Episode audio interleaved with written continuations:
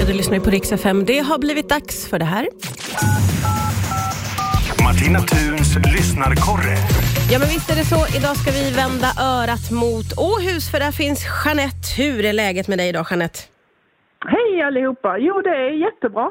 Du ska ge oss lite matnyttiga tips, vet jag här idag. Ja, jag tänkte att eh, ibland kan det vara bra med lite tips. Man behöver ju inte alltid köpa nya kläder eller så, utan man kan ju göra om lite av de gamla man redan har. Ja, men då gäller det att veta vad man ska göra. ja. Nej, man tänker, om man, man kan ju enkelt göra, om man säger en klänning och sådär, så kan man ju klippa av den så blir det ju både en kjol och en topp. Ja, som ja, man kan ja. använda var för sig till exempel. Smart. Ja, eh, man kan eh, byta knappar i en kavaj så får man lite ny om man har, för det är ju lite modernt med kavajer och så fortfarande ju. Ja, det där är ju ett jättesmart och enkelt tips framför allt. Ja.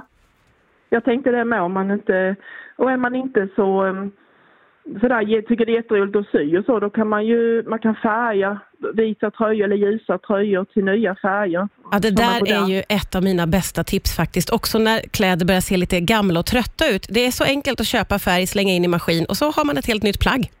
Ja, precis. Och klipper man då av lite armar eller man klipper av längden om man vill ha en kortare så blir det ju helt nytt liksom.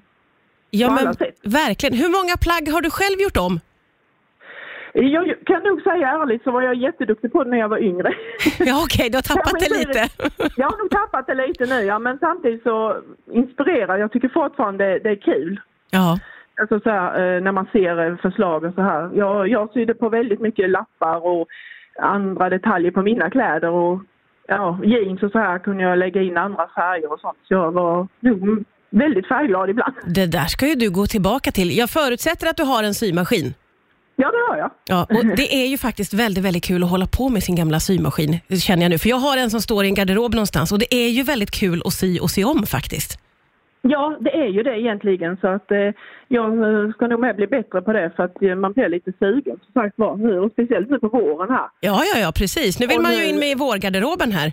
Ja, precis. Och det behövs ju inte jättemycket. Man säger, det lirar med skor och sånt. Det räcker ju att putsa upp dem och byta skosnören kanske. Ja, ja men precis. Så Ja. enkla små knep och så får du helt nya skor och helt nya plagg. Ja, lite så. Och vill man inte det så kan man ju eh, om man har vänner som har ungefär samma storlek som man själv så kan man ju rensa garderoben. Sen kan man ju ha en sån här klädbytardag. Men alltså du kommer med så många bra tips nu här Jeanette. Du kommer att inspirera så himla många. Det där är ju jätteroligt att göra på den gården man bor eller i- på, i kvarteret. Ja, precis. För att eh, då får man ju själv en helt ny garderob med helt nya plagg överhuvudtaget. Eller så. Ja precis, man kan få en helt ny stil. Ja, det också. Så det är jättespännande. Du, det här var väldigt många bra tips. Nu får du och jag lova varandra att vi tar fram våra symaskiner och tar fasta på tipsen som du har kommit med här. Ja, absolut. Jag får gå tillbaka till mitt eh, gamla minnen här. Gamla, Ja, det får du göra. Och jag får göra samma. Jättebra tips. Tack snälla för idag. Vi hörs snart igen, Jeanette. Ja, tack själv.